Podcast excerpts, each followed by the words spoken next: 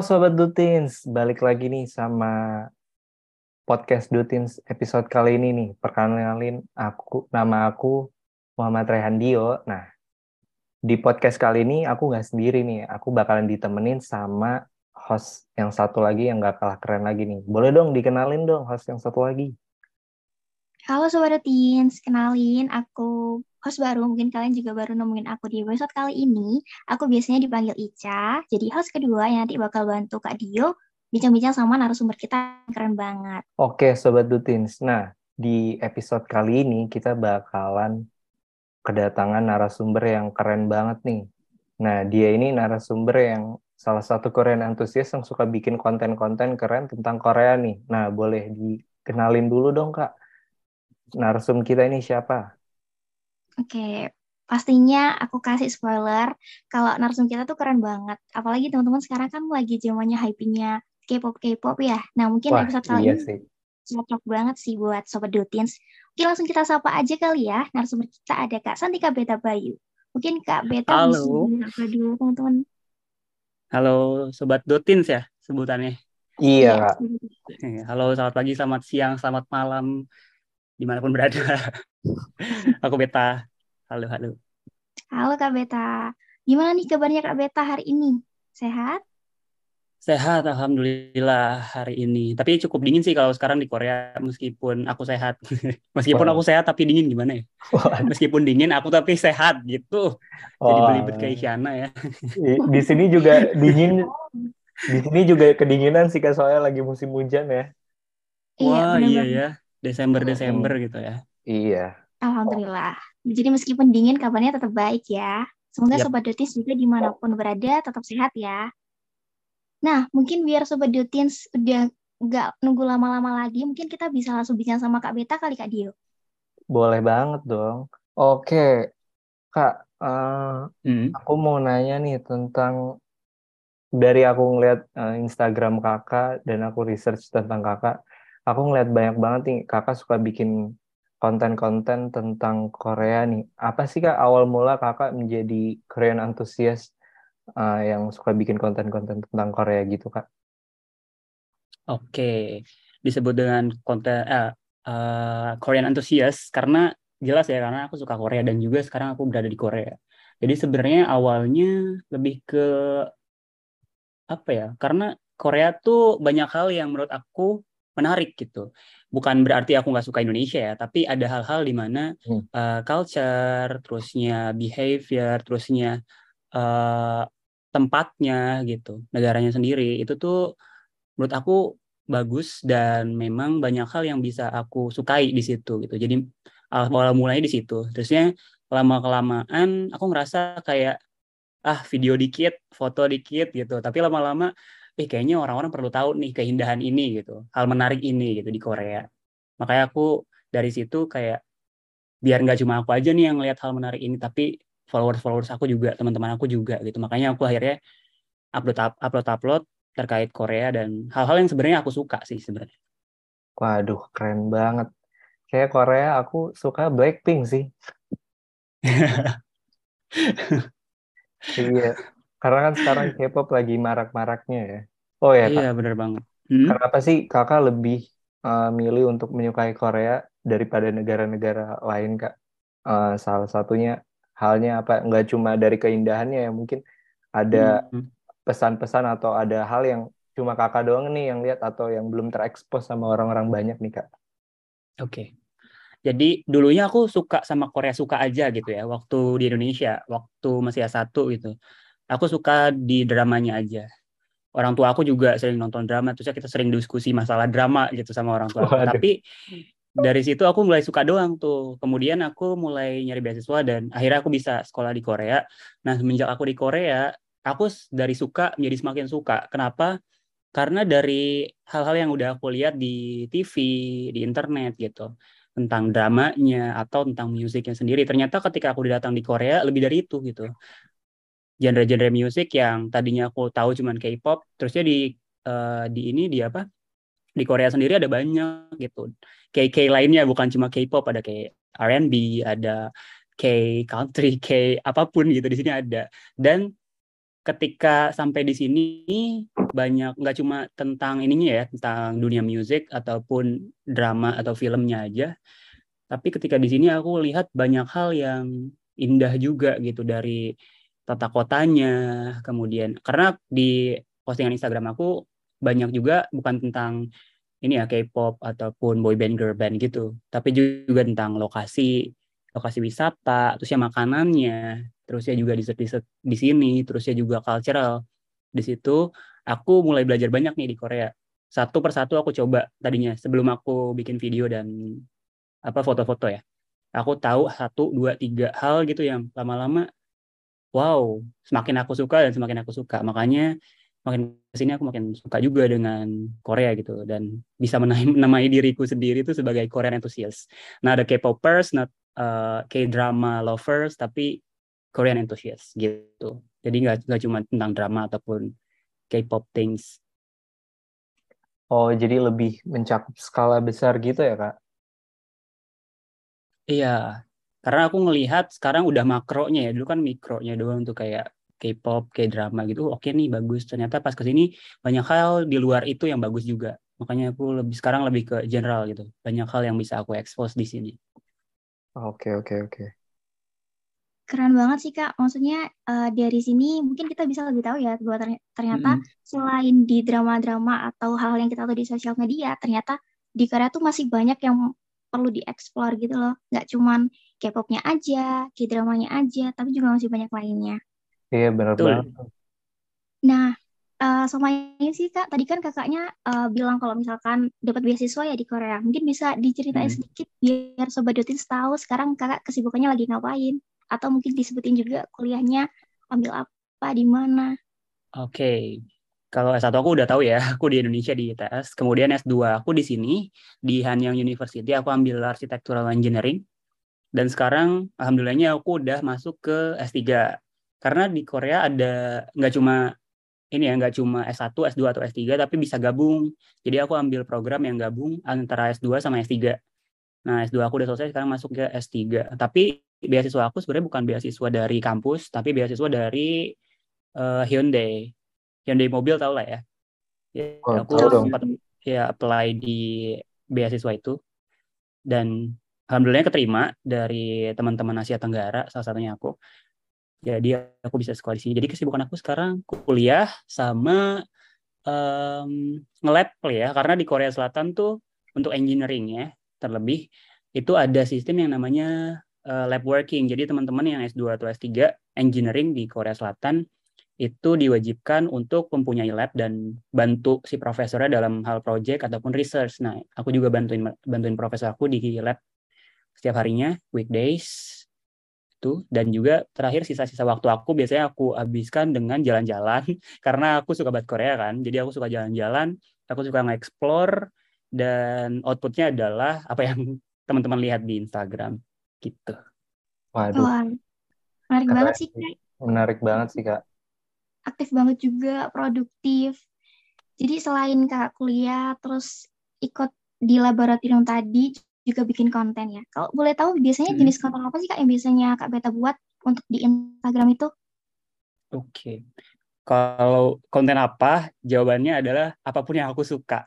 Jadi aku orangnya yang uh, do what I like gitu ya. Jadi kayak aku tuh menjalankan apa yang aku suka aja gitu. Kalau misalnya aku nggak suka dari awal, ya udah aku nggak bakal jalanin juga. Jadi semua yang aku taruh di Instagram aku itu adalah hal yang aku suka kayak jalan, jalan-jalan, ngeliat taman, ngeliat uh, tourist attraction, terusnya uh, makan juga. Aku suka kuliner di sini. Jadi di Instagram aku juga ngelihatnya ada makanan juga, ada dessert karena aku suka makan makanan hal yang unik ataupun yang menurut aku ini uh, worth to try gitu. Layak untuk dicoba. Terusnya dessert-dessert yang lucu-lucu juga karena di Korea banyak banget ya kafe-kafe lucu, kafe-kafe unik yang autentik juga gitu. Terusnya lokasi-lokasi wisata dan juga biasanya aku ke tempat-tempat uh, lokasi drama. Jadi kan biasanya kan drama-drama Korea kan ada lokasi ikoniknya tuh biasanya aku datang juga ke situ cuman buat foto-foto atau apa kemudian ya udah aku share di Instagram yang sebenarnya aslinya buat diri aku sendiri sama teman-teman yang ada di Instagram. Cuman kalau misalnya teman-teman uh, new followers gitu baru lihat ya oke okay, aku juga suka gitu. Tapi intinya sebenarnya buat aku sendiri gitu untuk for fun aja gitu. Dan alhamdulillah kalau teman-teman juga suka. Wah, banyak banget ya berarti Kak. Dan mungkin dari konten-konten yang kakak aku di Instagram, banyak juga sobat-sobat milenial ini yang jadi terbantu dan lebih tahu tentang Korea. Iya bener banget sih itu. Aku juga jadi kayak, wah di Korea tuh ternyata banyak hal yang perlu dieksplor ya. Benar-benar banget.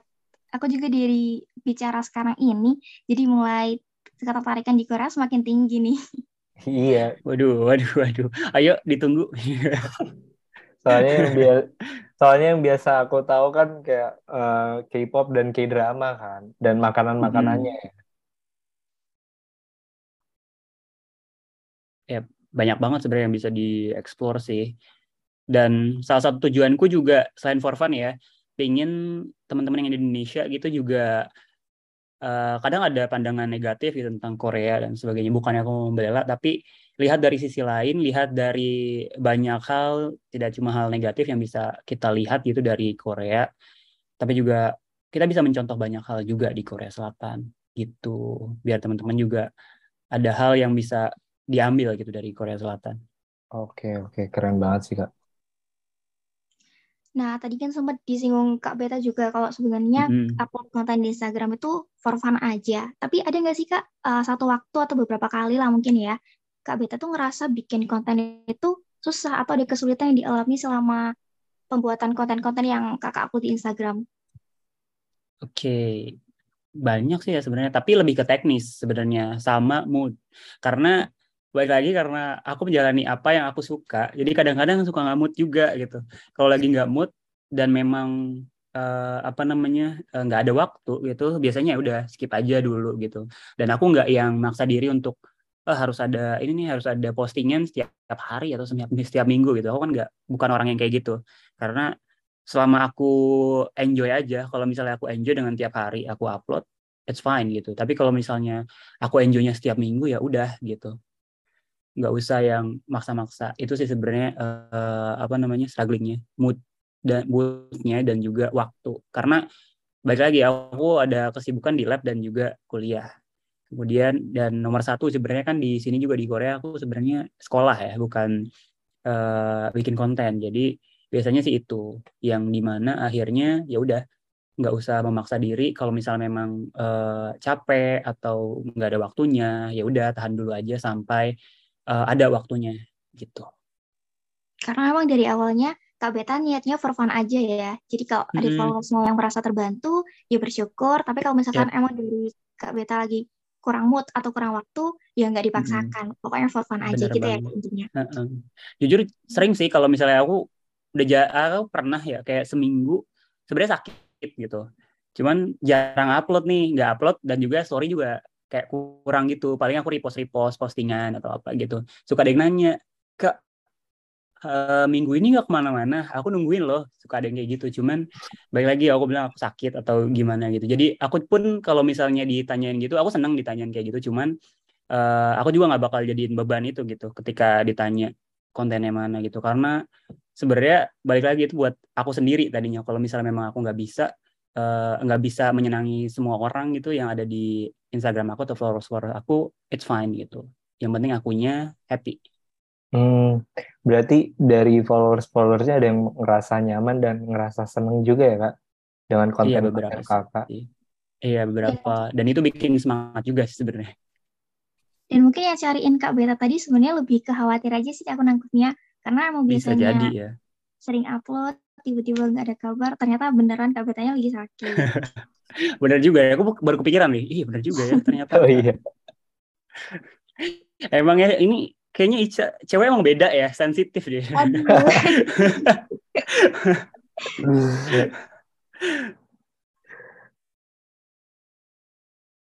Oke kak, uh, dengan konten-konten kakak yang udah kakak buat nih dari kakak karena kakak udah lagi kuliah nih kebetulan di Korea lagi melanjutkan pendidikan kakak dan uh, sembari melanjutkan pendidikan kakak juga uh, research dan mm-hmm. rasa keingin tahuan tentang Korea itu gede banget.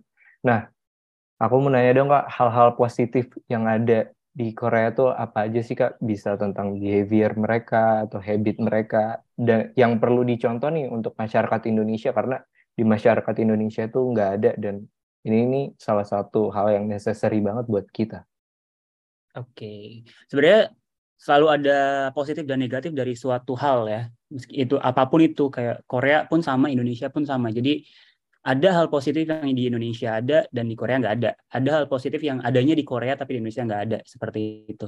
Jadi kalau misalnya aku melihatnya dari Koreanya nih, apa yang bisa kita ambil sebenarnya banyak yang sebenarnya itu ter apa ya terfokuskan pada terstruktur. Jadi Korea itu benar-benar terstruktur uh, dari orangnya, dari negaranya, dari environmentnya gitu. Jadi uh, contohnya teratur apa? Kalau ini aja deh satu deh uh, lalu lintas di Indonesia kan, waduh aku tinggal di Jakarta soalnya. Waduh. Di Jakarta kondisinya macet parah kan, kota kota besar gitu. Tapi Seoul juga sama, kota besar, tapi kok nggak separah itu gitu, nggak separah Jakarta. Dan kualitas ininya, kualitas apa udaranya juga lebih oke di sini di Korea Selatan. Meskipun kadang ada uh, debu halus gitu ya yang sebenarnya bukan dari uh, apa bukan dari Korea Selatan gitu. Ada ada banyak hal yang menyebabkan debu halus di, di Korea Selatan itu. Tapi Korea itu lebih teratur dari uh, lalu lintasnya. Kemudian tata kotanya juga aku suka lingkungan Korea karena teratur di Indonesia kan taman ada beberapa taman gitu. Tapi kalau teman-teman ke teman-teman Dutins nih, Dutins nih ke Korea Selatan, tiap jalan kaki aja ke mana gitu, ke mana aja ke arah mana pun gitu, kayak lima menit sekali atau 10 menit sekali bakal ngelihat yang namanya taman gitu. Dan di tamannya itu nggak cuma ada tanamannya aja, tapi juga ada orangnya, ada orangnya di mana orang-orang tuh eh, apa ya santai gitu di sini. Bukan hmm. bukan santai. Maksudnya Indonesia juga orangnya santai cuman ada tempat untuk santai. Jadi banyak orang bersantai di taman, terusnya uh, have fun with the kids dengan anak-anaknya, dengan uh, anak kecil, terusnya di situ juga ada fasilitas-fasilitas yang oke okay juga di taman kayak buat nge-gym, kita nggak perlu ke uh, gym ya, gym yang berbayar, tapi di taman-taman di Korea tuh sudah ada gitu fasilitas oh, gym, basic tapi ya memang. Tapi itu appreciate banget di sini. Terusnya juga uh, semua halnya dikemas dengan baik, terpola gitu. Jadi kayak misalnya di sini tuh banyak karena memang ini ya apa namanya uh, banyak turis juga yang datang ke Korea, jadi banyak hal yang dibikin menarik di sini, entah tempat makannya, entah kafe-kafenya, entah tempat-tempatnya lokasi atau apa namanya ya lokasi-lokasinya unik dan sebagainya.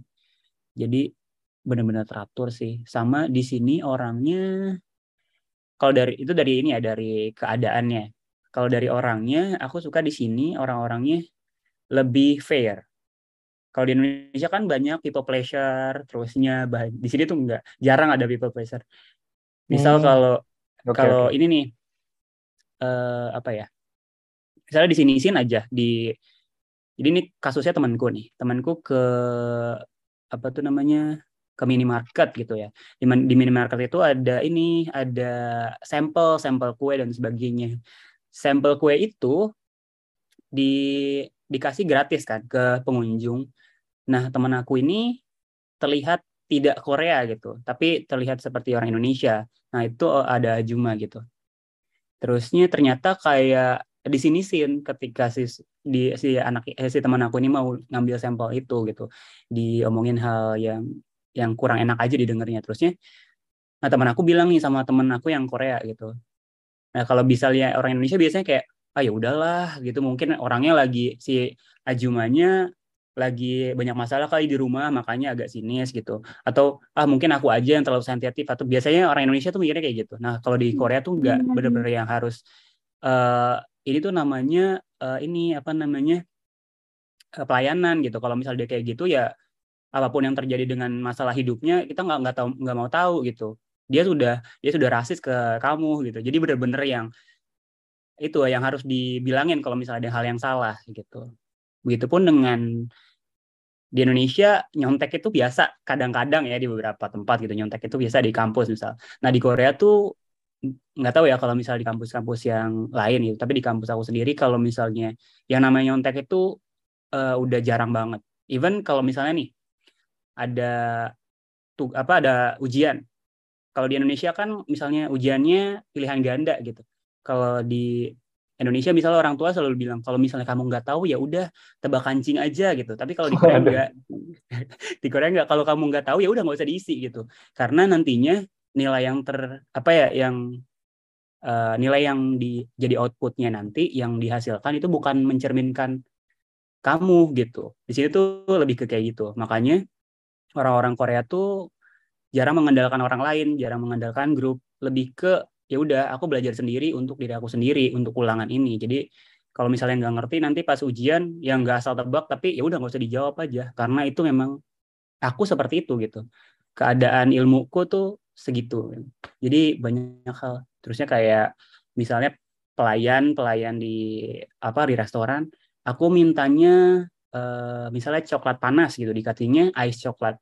Kita kan bilasnya ya udahlah nggak apa-apa kasihan gitu. Nanti nanti simbaknya ini gantiin ah, minuman aku gitu. Di sini enggak kalau misalnya salah ya udah dibilangin salah. Mbak saya kan pesannya coklat panas bukan coklat dingin. Ini kok coklat uh, yang datang coklat ini gitu. Jadi benar-benar hal kayak gitu nah, ini juga hal positif dan negatif sebenarnya ya buat Indonesia cuman kadang aku juga mikir ada hal-hal fair yang perlu ditaruh juga di Indonesia gitu. Hmm. Terus ini juga keamanan sih di Korea. Kalau di di Indonesia agak riskan ya, misalnya bawa tote bag gitu ke tempat-tempat umum atau naik naik public transportation gitu. Even di Indonesia sering dibilangin kalau misalnya naik public transportation backpack itu harusnya ditaruh di depan gitu biar biar aman gitu. Nah, kalau di sini mau pakai backpack, mau pakai tas transparan, nggak mungkin ada yang silet, nggak mungkin ada yang nyilet, ataupun pakai tote bag itu nggak mungkin ada yang ngambil gitu. Jadi benar-benar aman di sini. Even pulang pulang malam gitu, pulang jam 1, jam 2, teman-teman yang perempuan di sini lebih merasa aman di di Seoul ya di tepatnya aku. Gitu. Aduh, banyak banget aku ceritanya. nggak apa-apa, Jadi kita bisa lebih tahu lagi nih tentang hal-hal positif yang ada di Korea karena mm-hmm. bisa ngebantu banget nih buat pendengar-pendengar kita untuk uh, mengikuti contoh yang positif juga dan bisa diterapkan juga di Indonesia dan bahkan kalau misalnya mereka keluar bisa mereka terapkan juga sebagai pribadi mereka yang lebih baik lagi sih. Iya, meskipun sebenarnya banyak juga hal positif yang adanya di Indonesia loh, kayak ramah, friendly gitu. Teman-teman aku di Korea Selatan itu agak kaget gitu dengan karena orang Indonesia kan benar-benar yang friendly banget ya. Iya. Yeah. Nyapa meskipun kayak aku tuh baru kenal dia baru ketemu mungkin satu uh, seminggu lah ya. Seminggu dan itu pun di kelas doang gitu, beberapa hari doang. Terusnya ketemu di jalan nih aku sapa gitu. Terus dia kaget, "Ih, kamu ingat aku?" gitu. Kayak ya iyalah gitu dan aku nyapa karena aku kenal kamu gitu. Ih, friendly banget gitu. Karena biasanya orang Korea jarang yang kayak gitu, yang saling bantu, dan itu hanya ba baru kenal aja gitu. Sedangkan aku tuh di sini kayak friendly banget. Ya udah berteman dengan siapa pun. Hmm. gitu. Dan itu bagus juga loh friendlynya Indonesia tuh. Jadi sangat membantu kita banget ya kak kalau kita belajar di luar juga mm -mm, benar jadi punya banyak temen. Iya karena network is the best ya salah satu ini sih salah satu hal yang bisa diambil ketika kuliah kan sebenarnya networking juga salah satu hal penting juga. Mm Benar banget. Menarik banget sih ceritanya Kak Beta. Mungkin uh, dari aku, at least aku pribadi ya, dan mungkin sobat mm -hmm. juga jadi lebih tahu sudut pandang lain bahwa beberapa perbedaan ini sebenarnya uh, ada baik buruknya seperti yang Kak Peta bilang tadi, ada positif negatifnya. Mungkin dari kita aja yang gimana mencerna hal itu untuk diaplikasikan di kehidupan sehari-hari. Atau mungkin dari cerita Kak Beta juga, coba Dutis jadi lebih nggak sabar pengen ke Korea juga kali ya. Iya. Ayo, ayo ditunggu. Jadi kepo Oh, udah kayak duta Korea deh. Jadi kayak uh, bener-bener. Menceritakan hal baik. Ayo semua datang ke Korea ya, tapi asik banget ceritanya Kak Beta. Maksudku uh, mungkin at least buat aku ya, Jadi Mm-mm. lebih banyak tahu tentang Korea gitu loh. Ternyata selama ini yang aku tahunya kan cuma dari K-drama ataupun Mm-mm. K-pop dan ternyata lebih luas daripada itu dan kayak aturan-aturan gini kan mungkin emang disimpan sedikit di drama tapi bisa lebih tahu sudut pandangnya sebagai orang Indonesia di sana itu gimana dan mungkin dari sini juga bisa lebih tahu dikit lah ya caranya Kak Beta survive di eh, ne- di Korea sebagai negara asing dengan teman-teman yang asing juga tapi ternyata dengan behavior dari Indonesia tetap bisa survive keren banget sih Kak Iya. Menurut aku Kamu ini juga bisa survive kok. Kalian berdua juga bisa survive kok. Ayo ditunggu. menurut Amin aku ini aja. Amin. Menurut aku ini jadi tips-tips yang keren banget sih buat uh, sobat-sobat Dutins yang pengen nanti uh, belajar di Korea dan ini bisa jadi tips yang berharga banget untuk mereka bisa terapkan di sana sih. Benar, benar banget. Nah, mungkin tadi kan Kak Beta udah cerita panjang lebar nih Sobat Dutins, mulai dari awal kenapa ingin jadi Korean enthusiast dan aktivitas-aktivitas kegiatannya di Korea. Mungkin sekarang eh, mau ini deh Kak minta tips dan saran mungkin yang perlu di-highlight buat teman-teman Sobat Dutins yang mungkin pengen mulai jadi Korean enthusiast juga atau pengen aktif bikin konten. Gimana sih Kak saran atau tips yang perlu diperhatikan gitu? Oke, untuk em, untuk ini ya konten dulu aja kali ya.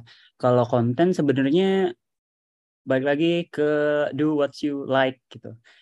Ketika kamu menyukai suatu hal yang ya menyukai suatu hal dan kamu kerjakan hal itu, itu pasti nggak ada tekanan gitu. Berasa kayak ngerjain hobi jadinya. Jadi lakukan apa yang kamu lakukan gitu. Jangan sampai kamu ngebikin konten atau bikin video atau bikin apa atau take a photos cuman karena ah, aku pingin bikin konten gitu tapi nggak tahu maknanya untuk diri kamu sendiri gitu tapi kamu tidak menyukainya hanya untuk kayak ah, biar dilihat sama orang nih biar aku eh, apa orang-orang tahu nih aku di sini atau orang-orang tahu nih eh, aku pernah makan ini atau aku pernah ke sini gitu. It's not a good things gitu. Jadi itu bakal consume diri kamu gitu. Jadi mendingan lakukan apa yang kamu suka dulu. Jadi cerna baik-baik apa yang kamu suka. Even it's not about Korean like general apa pun gitu ya general. Ketika kamu tahu apa yang kamu suka dan kamu kerjakan itu sih kuncinya Oke, jadi yang penting enjoy dulu ya, yang suka dulu nanti pasti ke bawah kok kalau emang dasarnya udah suka. Mm-mm, betul Yang untuk tips buat pengen mulai jadi Korean enthusiast juga sama Kak. Yang penting enjoy dulu aja. Atau Yap. ada tips saran lain? tipsnya kamu harus suka Korea dulu Iya kalau intinya itu sih. Dan juga jangan apa ya jangan malu kalau menurut aku. Karena di Indonesia sendiri banyak yang apa ya kita even teman aku nih banyak yang suka Korea Korean even Korean drama aja gitu. Cuman dia nggak nggak mau ngasih tahu kalau mereka suka Korean drama karena eh contoh seksisme banyak banget di Indonesia. Di mana eh, cowok masa sukanya itu apa namanya girl band eh, boy band gitu kan. Terusnya it's it's not about male or female gitu. Ya suka ya udah suka gitu kan. Terusnya dan juga eh, ah Korea plastik gitu biasanya juga. It's not Korea bukan cuma tentang operasi plastik gitu. Even di negara mana pun pasti ada operasi plastik. Tapi coba lihat dari sisi baiknya gitu. Orang-orang banyak yang ngelihat itu. Dan biasanya orang-orang yang suka malah ketutup. Jadi kayak ah malu ah, ntar dicengin orang gitu karena gue suka ini terus ya gue kasih lihat di Instagram di TikTok di Twitter gitu nah itu aja sih jangan malu kalau misalnya emang kamu suka selama itu nggak merugikan orang lain kenapa enggak gitu Hmm. Jadi try to look at the bright side ya kak. betul Oh ya kak, sama ada lagi sih pertanyaan lagi. Kalau misal kan kakak sambil kuliah nih dan sam- kadang-kadang kalau ada waktu bikin konten gimana sih kak eh, cara kakak membagi waktu ketika pengen bikin konten dan ketika eh, harus memprioritas- memprioritaskan pendidikan kakak. Hmm, sebenarnya ini juga tricky sih sebenarnya. Tiap orang punya caranya yang berbeda, tapi kuncinya adalah prioritas. Eh, kamu tahu gitu, misalnya sekarang nih aku ke Korea buat apa gitu, prioritasnya apa gitu. Prioritas pertama apa, prioritas kedua apa, prioritas ketiga apa gitu. Jadi ketika kamu tahu prioritasnya, kamu bisa range gitu. Apa yang kamu lakukan duluan, apa yang kamu bisa uh, tidak begitu urgent. Kemudian juga kapan bisa kamu taruh waktu untuk bikin konten. Kapan kamu bisa taruh untuk distractions kayak hobi dan sebagainya gitu. Jadi baik lagi ke uh, proporsi dari prioritas. Kemudian kamu bisa range dari keadaan itu kayak aku. Jujur aku uh, prioritas utama pasti sekolah ya kuliah. Jadi pertama kuliah dulu. Apa pun yang di luar kuliah kayak aku punya usaha juga. Kayak terusnya juga ada uh, entah jalan-jalan, entah um, apa side job, side job tadi udah bilang, side jobs, jalan-jalan atau hal-hal lain gitu. Itu menjadi prioritas berikutnya setelah sekolah. Jadi aku bikin prioritas pertama sekolah dulu. Kalau misalnya ada hal yang harus dikerjain ya udah dikerjain dulu. Nah setelah itu baru aku bagi waktu aku waktu yang ada itu buat hal lain. Kayak mengemas apa yang udah aku punya gitu. Kayak aku kemarin ke mana gitu. Dan udah ada foto dan videonya baru dikemas atau diedit videonya. Setelah aku punya waktu untuk itu. Biasanya sih aku naruh waktu sebelum tidur sih karena eh, jam-jam uh, sebelum sebelum tidur biasanya aku nggak nggak ngeliat Instagram nggak ngeliat sosial media. Karena kalau lihat sosial media pasti bakalan konsum itu ya wasting bukan wasting time sih consume many a lot of times gitu. Jadi biasanya aku satu jam sebelum tidur aku entah ngedit foto entah ngedit video entah ya ngerombak uh, brainstorming apa yang mau aku taruh di Instagram atau apa yang aku akan lakukan di hari Minggu nanti karena aku biasanya hari Minggu sih keluar keluar jalan terus uh, foto-foto bikin video kayak gitu hari Minggu jadi biasanya aku malam-malam suka sebelum tidur ya itu mengerjakan itu karena itu waktu kosong aku.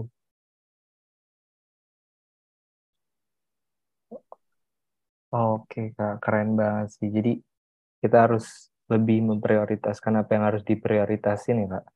Mm -hmm. Karena Make a time for your priority. Ya karena pendidikan itu adalah yang utama. Betul sekali. Untuk aku ya, untuk orang lain kan belum tentu juga karena aku apa eh, menghargai juga orang-orang yang memang memprioritaskan hal lain selain pendidikan. Oke.